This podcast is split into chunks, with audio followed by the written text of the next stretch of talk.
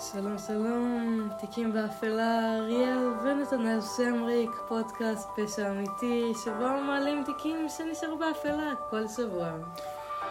שלום שלום זה אמירה פוליטית בימים אלו. את יודעת, שלום, מלחמה, וכמות המשמעויות שיש למילה שלום. אנשים פה בחוסר שלמות, לפחות בטיימינג שאנחנו מייצבים את הפודקאסט הזה, פשע אמיתי. אנשים אומרים, בושה, בושה, בושה, ישראל, מרץ 2023. אנחנו עכשיו עושים הצצה 50 שנים קדימה, שומעים את הפודקאסט הזה, אריאל, את כבר, מי יודע, אולי, בטח, בטח, אימא, בדרך. אולי לסבתא, אולי, נראה לכם יובילו. ואז- זה כבר אישי. בדיוק. ואז, מה את אומרת על המצב, הצצה קדימה לעתיד? אמ, נראה איך זה יסתיים ומתי.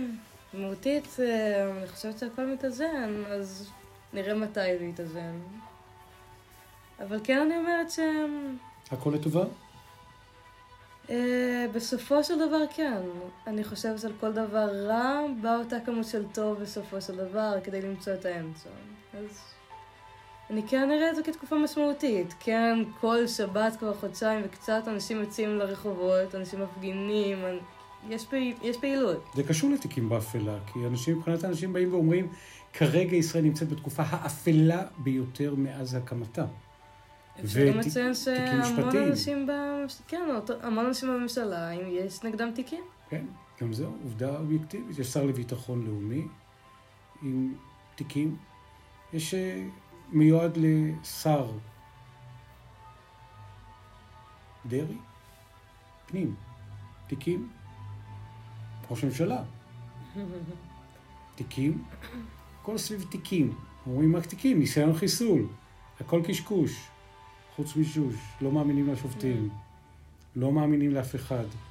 מפכ"ל משטרה, אמירות חסרות תקדים. מה הוא אומר בהפגנה? קפלן. ראינו, צילמנו, הקלטנו. מה הוא אומר? היינו שם שנינו. נכון. מה הוא אמר? רוצה לציין את זה בחצי משפט? כן, רוני אלשיך אומר, מפכ"ל המשטרה בדימוס, אני איש ימין ודתי. החקיקה הזאת, אני מתנגד לה בתוקף. אין בה שום דבר יהודי. אנשים בשיכרון כוח, לא עושים ככה, זה פוגע בחוסן הלאומי. פוגע בדמוקרטיה. ראש הממשלה בדימוס, אהוד ברק, רמטכ"ל, שר ביטחון בדימוס, אה, החייל המיותר ביותר בתולדות צה"ל, הוא אומר, מרי אזרחי, אסור, לי, אסור לקבל את מה שקורה כרגע, זה לא מרד, זה לפי החוק, אבל עת למרי. אף פעם לא ראש ממשלה שאמר מרי אזרחי. ראש מוסד, דני יתום, אומר לא להתגייס לשרת תחת דיקטטור. רמטכ"ל, דני חלוץ, במיל, אומר, מה פתאום? לא נרשמתי. קוראים לך מלחמה אתה מתייצב? הוא אומר, אני לא. אף פעם לא אמר דבר כזה רמטכ"ל. אף פעם. מטורף. הם אף פעם לא היו שיחות כאלה, אומרים, המצב אף פעם לא היה כל כך קשה. אז עכשיו צריך אמירות ברורות כדי זה לייצב עונה את לי זה. על מה שבדיוק באתי לשאול אותך. באתי לשאול אם אי פעם לדעתך הייתה תקופה כזאת בישראל. אם אי פעם הייתה תקופה כזאת בישראל, לא. הוותיקים, חתן פרס נובל, אומר שאפילו במלחמת יום כיפור, שנחשבת לתקופה הכי אפלה וקודרת שהייתה בתוך המקום הזה, אה, לעולם, לעולם, לעולם לא היה שום דבר דומה למקום הזה. הוא מפחיד יותר, הוא קודר יותר, הוא... אה, אף פעם לא היה כזה. ומדינת ישראל צריכה לאסוף את עצמה בידיים, כי יש פה שתי ממלכות. ממלכת יהודה, מ-67' ואילך בשטחים, אנשים בתפיסת עולם מסוימת, ויש פה אנשים אחרים, שאומרים, מה פתאום? שם קוד מדינת תל אביב, עד 66 כולל, ליברליות, דמוקרטיה, אנחנו לא מדברים את אותה שפה. פשוט לא מדברים את אותה שפה. זה... השיחה הזאת מאוד מזכירה לי, אה, זה קרה עכשיו, אבל אה, הייתה לנו בבית ספר תקופה שבה אה, עסקנו באוכלוסיות בישראל. אוכלוסיות. ואיפה אוקיי. ביקרתם?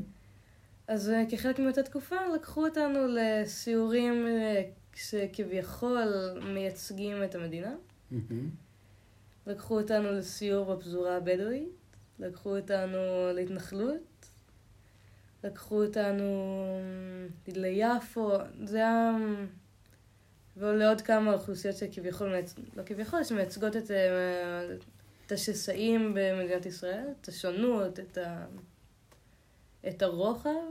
ומה הייתה התובנה? אה, יש כל כך הרבה, היה לנו גם סיור בבני ברק, אה, יש כל כך הרבה, וגם נאמרו שם דברים שאני מסכימה איתם, דברים שפחות. קשה מאוד וצריך רצון של כל הקבוצות למצוא את האמצע כדי שתתאפשר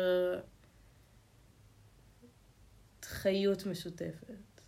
בדיוק במקום הזה, לטובת, אנחנו תכף נדבר על נושא עיקרי של תיקים באפלה היום, שהוא אחר. אבל כיוון שהנושא, כל האפלה והתיקים כל כך בוערים, אי אפשר שלא להתייחס לאקטואליה, כי לדעתי זו תקופה שהיא באמת תיזכר אה, דורות קדימה. אה, אז אה, הבאתי איזושהי הקלטה שרצה בטיקטוק מכולם. פרופסור ישעיהו ליבוביץ', פילוסוף, הוגה, איש אקדמיה, ענק רוח, בהתבטאות שלו על, הוא כבר מת, אבל הוא מדבר על מלחמת אזרחים. והוא נמצא ברשימת ההוגים אה, כמו, אגב, איש חובש כיפה, איש מאמין, כמו אה, פרופסור אהרן ברק, השופט העליון. שימו לב, פרופסור ליבוביץ' מדבר מהעבר על מלחמת אזרחים. אינני מבין, ממש אינני מבין. מדוע המלחמה מותרת בין בני עמים שונים, ולא בין בני אדם, בני אותו עם.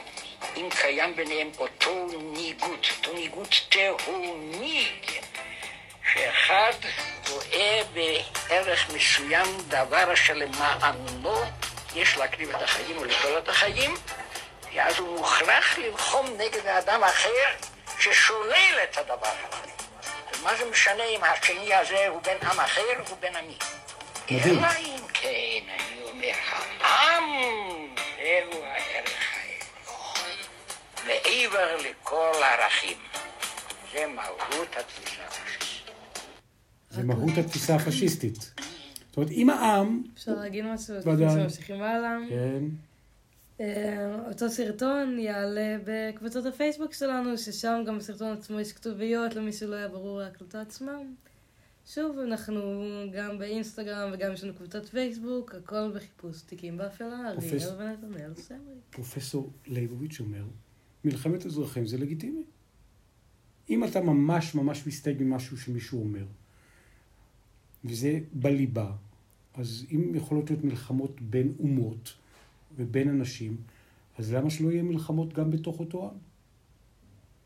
אלא אם כן הוא אומר, העם הוא ערך עליון, ואם העם הוא ערך עליון, זו תפיסת עולם פשיסטית. גם אה, אפרופו מלחמת אזרחים, יש מערכון של ארץ נהדרת עם אסי כהן, ש... לגמרי. אה, היה באחד מסבבי הבחירות הקודמים, שמדבר על, אה, על אה, מלחמת אזרחים, כן. ושוב, בהומור, בצחוק, כי... כאילו בהומור. פי, זה היה מערכון. בכללי, ארץ נהדרת זה מאוד מעבירים ביקורת על מה שקורה. שוב, כביכול בהומור, בצחוק, אבל הביקורת מאוד ברורה. לגמרי. לגמרי לגמרי, ואנחנו, מה שאנחנו הולכים אה, לדבר היום בהקשר הזה, אגב, אם אתם רוצים בתוך הקבוצה בכלל כן לגעת בתיקים באפלה סביב המצב כרגע של מדינת ישראל, מוזמנים. אפשר לייצר שיח בהקשר הזה, אפשר אה, אה, שתשלחו לנו תגובות, דירוגים, מחשבות, הערות, רק כל דבר. רק דירוגים טובים, כי... רק דירוגים טובים. פחות מזה, תשלחו לנו בפרטי, נשמח לשמוע. כן, היו כמה אה, שפנו אלינו עם הערות בנות בהכרח לגבי הסאונד, וישר ניסינו לטפל בזה, שזה... לא רק ניסינו, הצלחנו. נכון, שזה לדעתי מעצים טיפה, שבאים לקראתנו. לגמרי. רגע, אגב, לפני uh, הארוחה הזאת, שהיא הפודקאסט שאיתו אנחנו יוצאים, כמו שאמרנו, אחר כך לעולם ההפגנה, אכלנו בטטה, נכון? הייתה בארוחה. הארוחה הייתה בטטה, זה רמז מטרים, מה הקשר? זה רמז מטרים שאנחנו עוד נדבר עליו בכמה משפטים לקראת סיום הפודקאסט הזה. מסקרן. כאילו, בטטה לא מה שחשבת. טוב, הנושא העיקרי שעליו אנחנו הולכים לדבר הפעם הוא פרק אה, שמדי פעם אנחנו מחברים פילים, על מה שדיברנו עכשיו זה הקדמה, שיח. כי, כי המצב הוא כל כך אה, זועק ובוער שאי אפשר... לפני שבועיים היה פרק יותר מעמיק על המצב עכשיו. שוב, תמיד יש דברים חדשים, אבל היה פרק שלם. שימו לב, בלטרקי. בלטרקי הוא צייר ענק, שבאמת יש לו כישרון יוצא דופן, ושלושים שנה מסתבר שהוא הצליח להוליך שולל את עולם האומנות, כשהוא צייר בסגנונם של אומנים מפורסמים, וחתם על הציורים בשם של האומן המפורסם. וואו. כן, לפני כמה חודשים, אני חושבת, היה פרק על אה, גנבת אמנות. כן. זווית אחרת. זווית אחרת, הזיופים שלו הוצגו בכמה מהמוזיאונים הנחשבים בעולם, מטורף. נמכרו במיליוני דולרים, הוא יכל לקחת קרדיט לעצמו, אז... אה, ואז מסתבר, זה מעלה שאלות איך שופטים את האומנות בזמננו, איך מעריכים אותה, והאיש עצמו, בלטרקי, הוא נתפס בגלל טעות קטנטנה. כן, וישב להגיד משהו בכלא. על אה, אמ, זרמי אומנות וסגנונות אומנות של אמנים ספציפיים.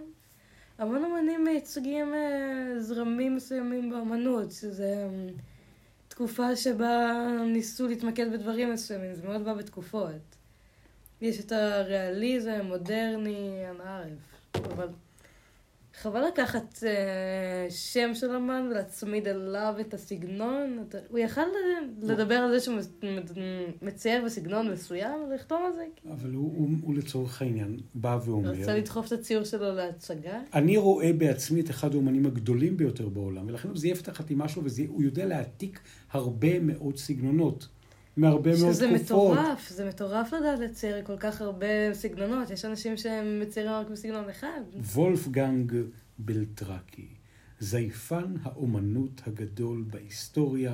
כתבה מהארץ, שגם תעלה בקבוצות הפייסבוק שלנו. צח יוקד, הוא האיש שכתב את הכתבה, משם אנחנו יונקים את הפרטים, קצת עוד חיפושים שלנו גם באינטרנט, סיפור מעולה על צייר ענק ורמאי מעולה לא פחות.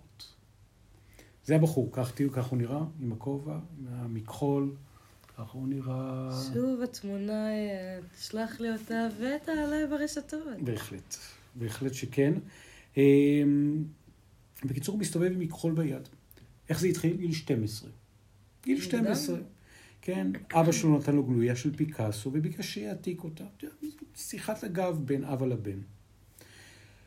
ואז הוא הבין, כך הוא אומר, שאי אפשר באמת להעתיק ציור קיים.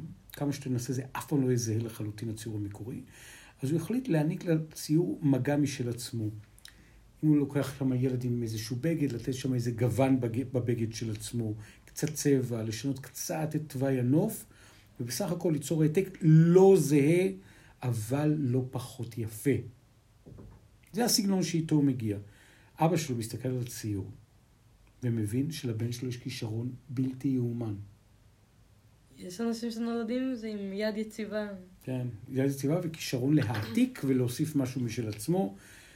הוא בתור בן לא מאוד התרגש, הוא אמר והרגיש שכולם יכולים לעשות את הדבר הזה, אה, אבל הוא לא הפך את זה כדי להפוך לצייר בזכות עצמו בתחילת הדרך, אלא הוא הפך לזייפן האומנות הגדול בדורו, וככל הנראה אחד מזייפני האומנות הגדולים והמוצלחים אי פעם, כי גם בבגרות שלו נקט בטכניקה, הוא לא זייף, זיור, הוא לא זייף ציור קיים, הוא יצר ציור חדש בסגנונו של האומן, אבל זה הקאץ', הוא חתם עליו את חתימת האומן. כי אם הוא יכול לזייף ציור בקלות, הוא גם יכול לזייף חתימה. כמה שנים הוא משקר לגדולי האוצרים, לגדולי האומנים, לגדולי מנהלי בתי המכירות הפומביים, לגדולי חוקרי האומנות. כמה שנים? שלושים? לגמרי. כולם נופלים בפח. כי אם הסגנון זה... אבל כן קל מאוד לבדוק, אה, יש אתרים שלמים שמרכזים עבודות של אמנים. עכשיו, אפשר לב- לבדוק, אם אין שם את הציור, אולי... אז זהו, חשוב שזו יצירה שעלתה, ואז אם זאת יצירה חדשה, מתוך סדרה, אז זה שווה ים של כסף. הוא מכר יצירות בשווי כולל של כמעט 50 מיליון דולר. מטורף. בגלל החתימה. ובגלל איכות הציורים. חבל אבל שלא עשה את זה בפני עצמו. עכשיו זה קורה. עכשיו זה קורה אחרי השיעור של הכלא. בינתיים בית מפואר, רכבים, בגדי מעצבים, סגנון חיים מטורף, כל מיני ארוחות, הייתה לו אפילו יאכטה. יאכטה זה חשוב שתהיה לצייר. הגלריות והמוזיאונים הנחשבים בעולם. המטרופוליטן בניו יורק. עכשיו היה שם, הוא, הוא חתם אה, בשם של אומן גורמנ, אה, גרמני, מקסט ארנסט, שהוצג שם חודשים. ציור אחר, היער 2, שגם אותו הוא ייחס לארנסט, אפילו שהוא עצמו העתיק וצייר, נמכר ב-2006 בלא פחות משבעה מיליון דולר. מטורף. איש הקולנוע, סטיב מרטין, שילם 860 אלף דולר עבור ציור שבלטרקי צייר, אבל חתם עליו בחתימתו המזויפת של האמן הגרמני, היינריך קמפנדונק. האישה והסוסים של קמפנדונק נמכרה ב-2007 תמורת 2.8 מיליון יורו, כעשרה מיליון שקלים. בקיצור, זה היה הסכום הגבוה ביותר אי פעם ששולם עבור יצירה של האומן הגרמני, אומן גרמני במרכאות גדולות. הוא זייף את אה, כיס ואן דונגן ההולנדי, צרפתים ועוד אמנים. בקיצור, 300 יצירות אומנות הוא זייף. שוב, שזה מספר לא... האיש פרופשיונל, זייפן, זייפן ענק. זייפן ענק. מספר לא מבוטל של, של אומנות.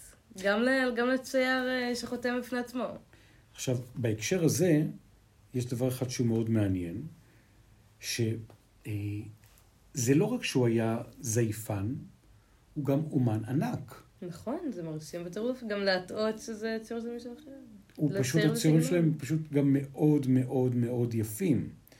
והוא גם, בהקשר הזה, הם פשוט בסופו של דבר, הם נתנו גם תחושה שאפילו הוא מצייר יותר טוב, יותר מוערך, מאשר הצייר המקורי בחלק מהמקרים. אני חושבת שהיה מבוזבז בתקופה הזאת, שהוא יכל לפרסם את זה בפני עצמו, של... ויכל לציין את זה שהוא לקח השראה מציורים. לא העתיק, לקח השראה, זו מילה ממתנת. אז בדיוק על השאלה הזאת, בתוך הכתבה, הוא משיב, מדוע אני רואה בעצמי אחד האומנים הגדולים ביותר בעולם? מפני שאני לא אומן אחד, אלא שילוב של עשרות אומנים שונים. שזה נכון, לדעת לצייר בהמון סגנונות, זה מטורף. איפה הוא גר היום? בעיר לוצרן, ליד לוצרן שבשוויץ. בן 72, צעיר, מכפי גילו, כך הוא נראה. יש לו זקן תיש, מוקפד, מאתר את הסנטר. והוא מאוד אוהב סגנונות, כמו שאמרת, ותקופות, ושנים, וערים, ומדינות, וכולי וכולי. ובניגוד לזייפנים אחרים, אף אחד לא היה מסוגל לזהות שלא מדובר במקור, זה היה בלתי אפשרי. כשאתה מעתיק ציור של מישהו אחר, אז אתה תמיד אפשר לזהות סטייה קטנה פה ושם, איזה חוסר התאמה. אצלי כל ציור הוא יצירה חדשה עם אותה תנועת יד, עם אותה השקפה אומנותית, עם אותו סגנון של הצייר שלמדתי היטב, והתוספת שאני, כך הוא מעיד, שמתי אותה בפנים. אז הוא אומר, למה שלא תסתפק בציירים אלמונים יחסית? למה שאתה תזייף את פיקאסו, למה לא זייפת את פיקאסו או רמברנט? והתעשרת מאוד. אז הוא אומר, אין לי גם שום בעיה לצייר בסגנון ליאונרדו דה וינצ'י או מטיס.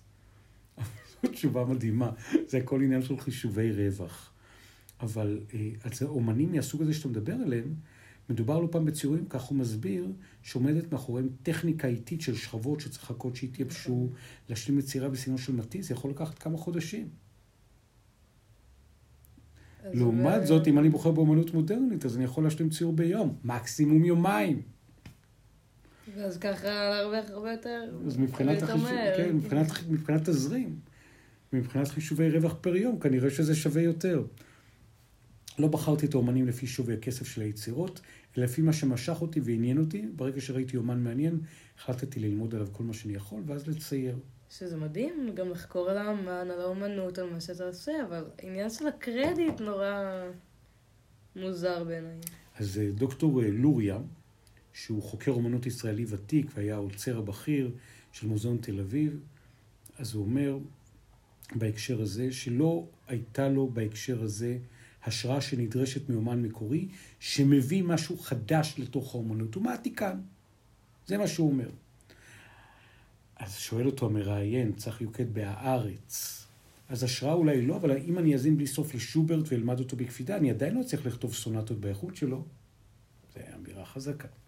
או לחילופין, אם אני אשב ואצפה מספיק שעות במשחקים של מייקל ג'ורדן, זה לא אומר שאוכל לעלות למגרש ולקלוע 40 נקודות במשחק NBA. נקודה חזקה. אני מקבל את הטיעון שלך, אני לא רוצה להתווכח כמה כישרון היה לו, כי הוא היה כישרוני. אין בעיה לומר את זה. עונה לוריה. ואני עדיין מתעקש שמה שהוא עשה זה בראש ובראשונה טכניקה.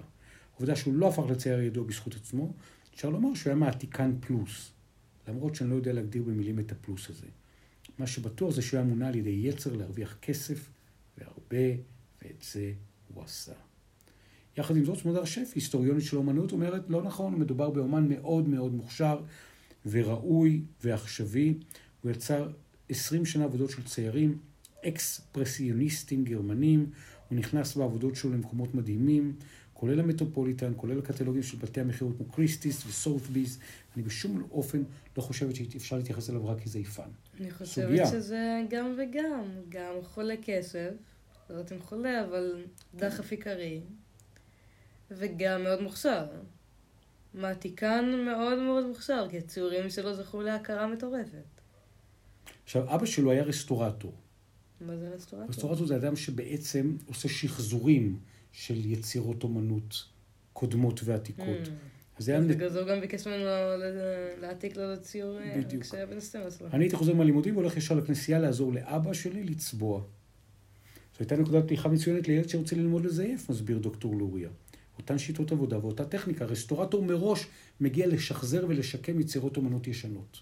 זה מראש נמצא שמה מהאספה הזאת.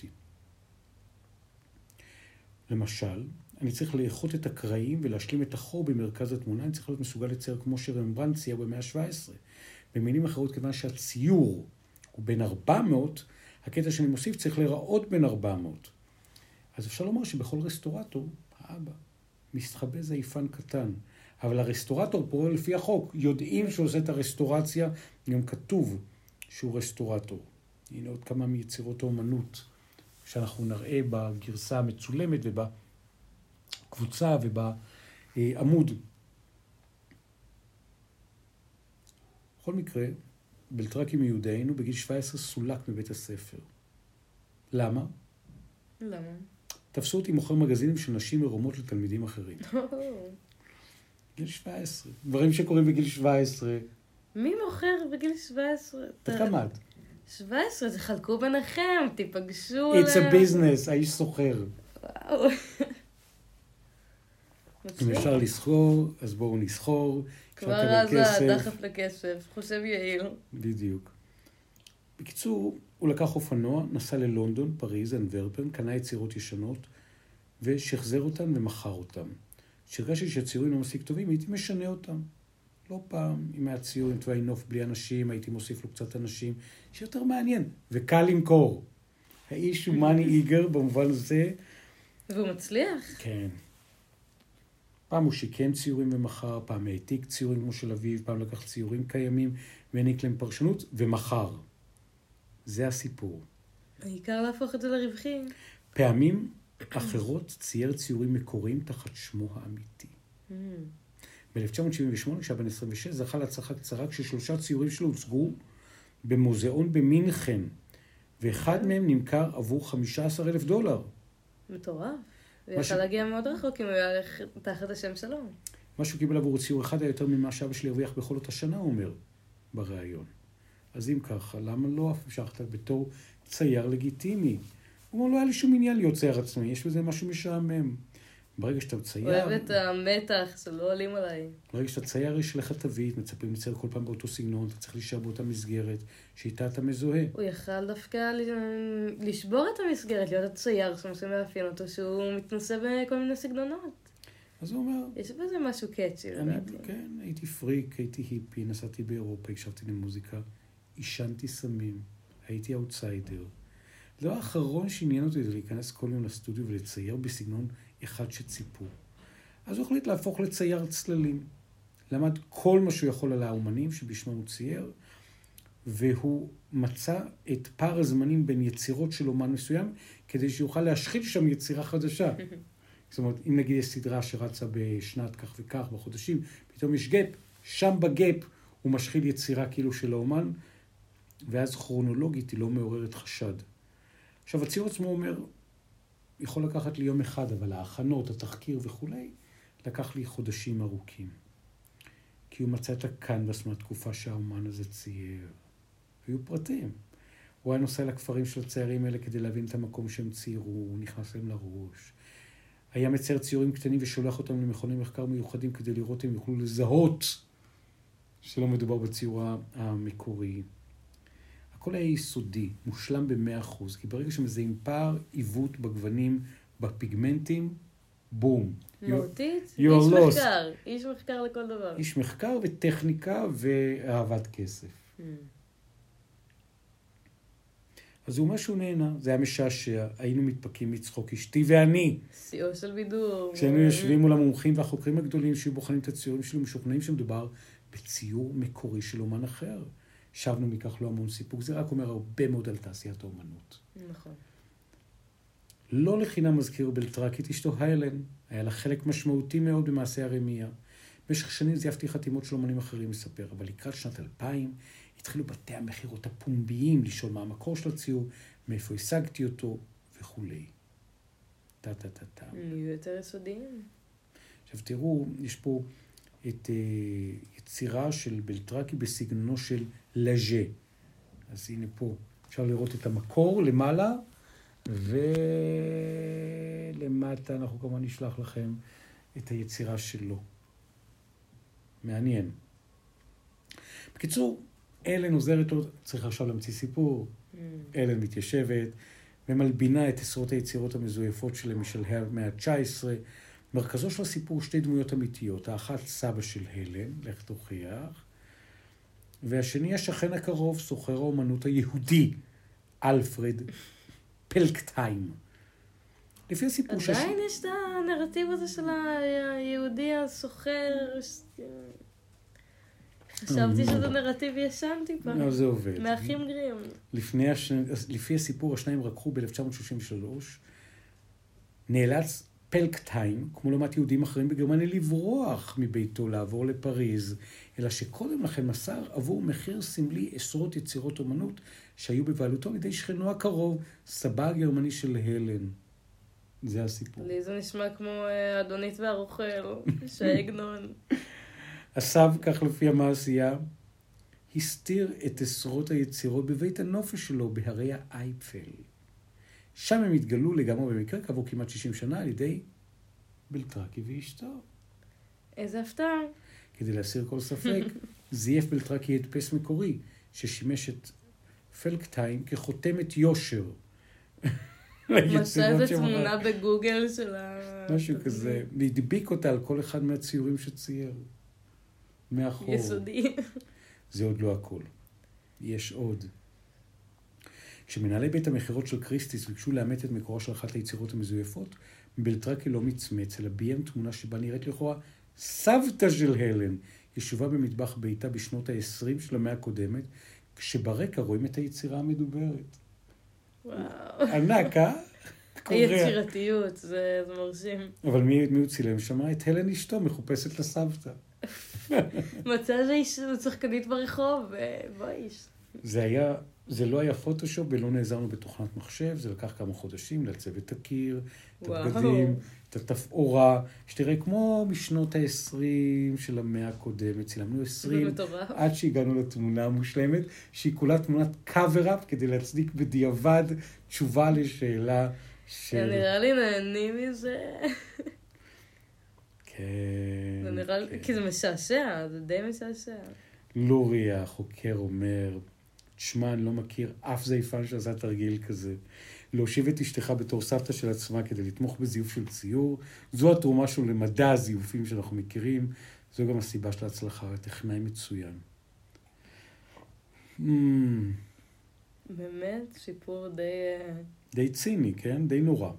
להוסיף את הנאצים על האירוע הזה. מה זאת אומרת? איפה הנאצים נכנסו לתמונה? כי אם הסוחר היהודי ב-33 נאלץ בגלל הנאצים למסור לסבא של הלן, אז זה זה סיפור ש... טיפה חולני.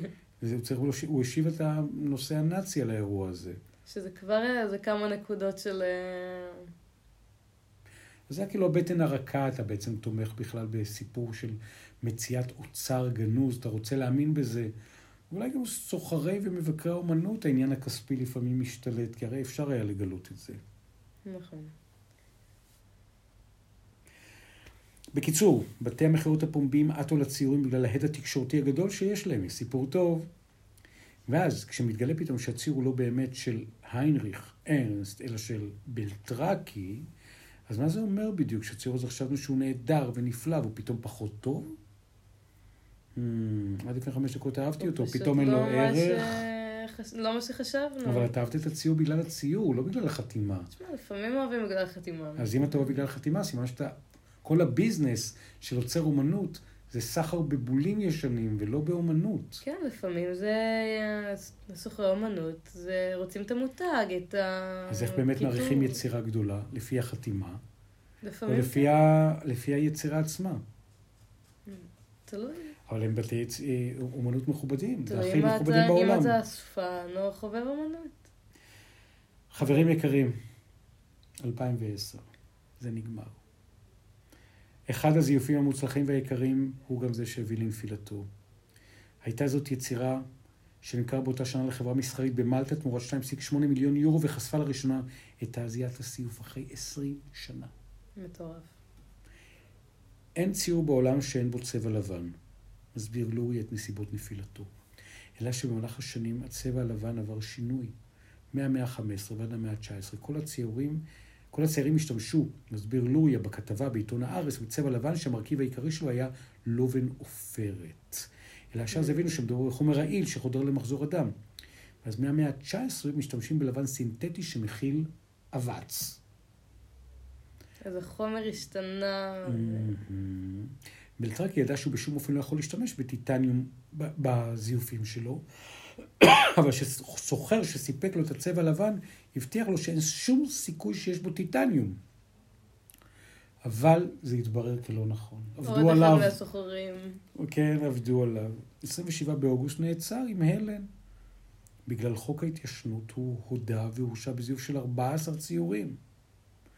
ואז היה את משפט המאה של עולם האומנות. הוא נידון לשש שנות מאסר. הלן לארבע. הלן לארבע. כי ריק- לא זאת שישבה וציירה. הם ריצו במתקן כליאה פתוח, הלן השתחררה כעבור שנתיים והוא כעבור שלוש. או, התקצר לו משמעותית. כן. בקיצור, יצא מזה בקלות. מאוד.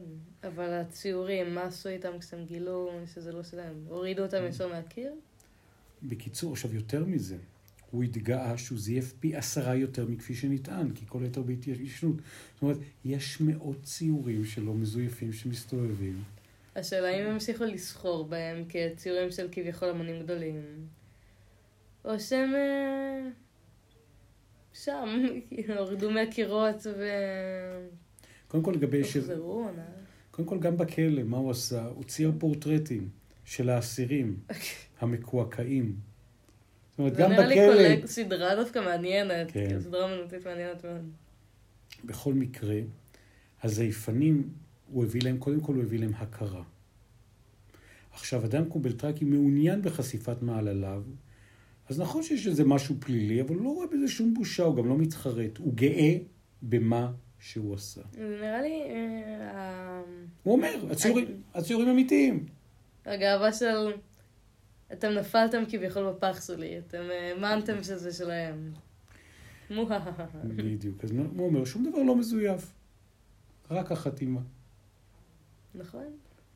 אז הוא עוזב עם הלן לשוויץ, קונה שם סטודיו גדול, הוא מתחיל לעשות את מה שעשה כל החיים שלו, אבל שהוא ביקש להימנע. הוא מתחיל לנצל את כישורי הציור שלו לקריירה חדשה של אומן לגיטימי. חותם על שמו? מהמם.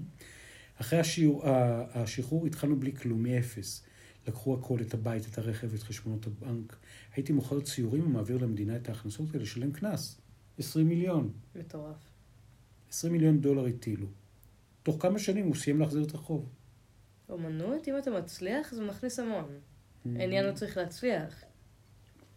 מאז לא חסר לי כלום.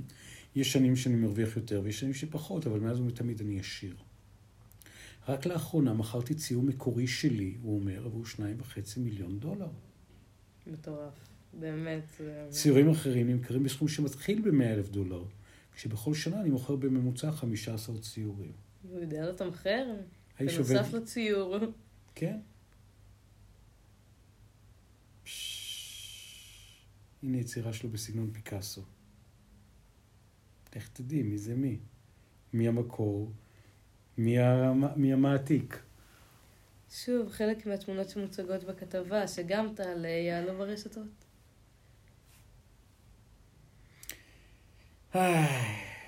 בקיצור, אתה יודע, אומר בלטרקי רגע לפני שאנחנו מסיימים את השיחה, הוא אומר לצח יוקד, עד היום מסתובבות בשוק שלי קרוב ל-200 יצירות שלי שלא נתפסו. ולא פעם אני מקבל פניות ממומחי אומנות בכל העולם שרוצים לדעת אם ציור כזה או אחר הוא שלי או שלא. הפניות האלה מצחיקות אותי, אפרופו השאלה שלך.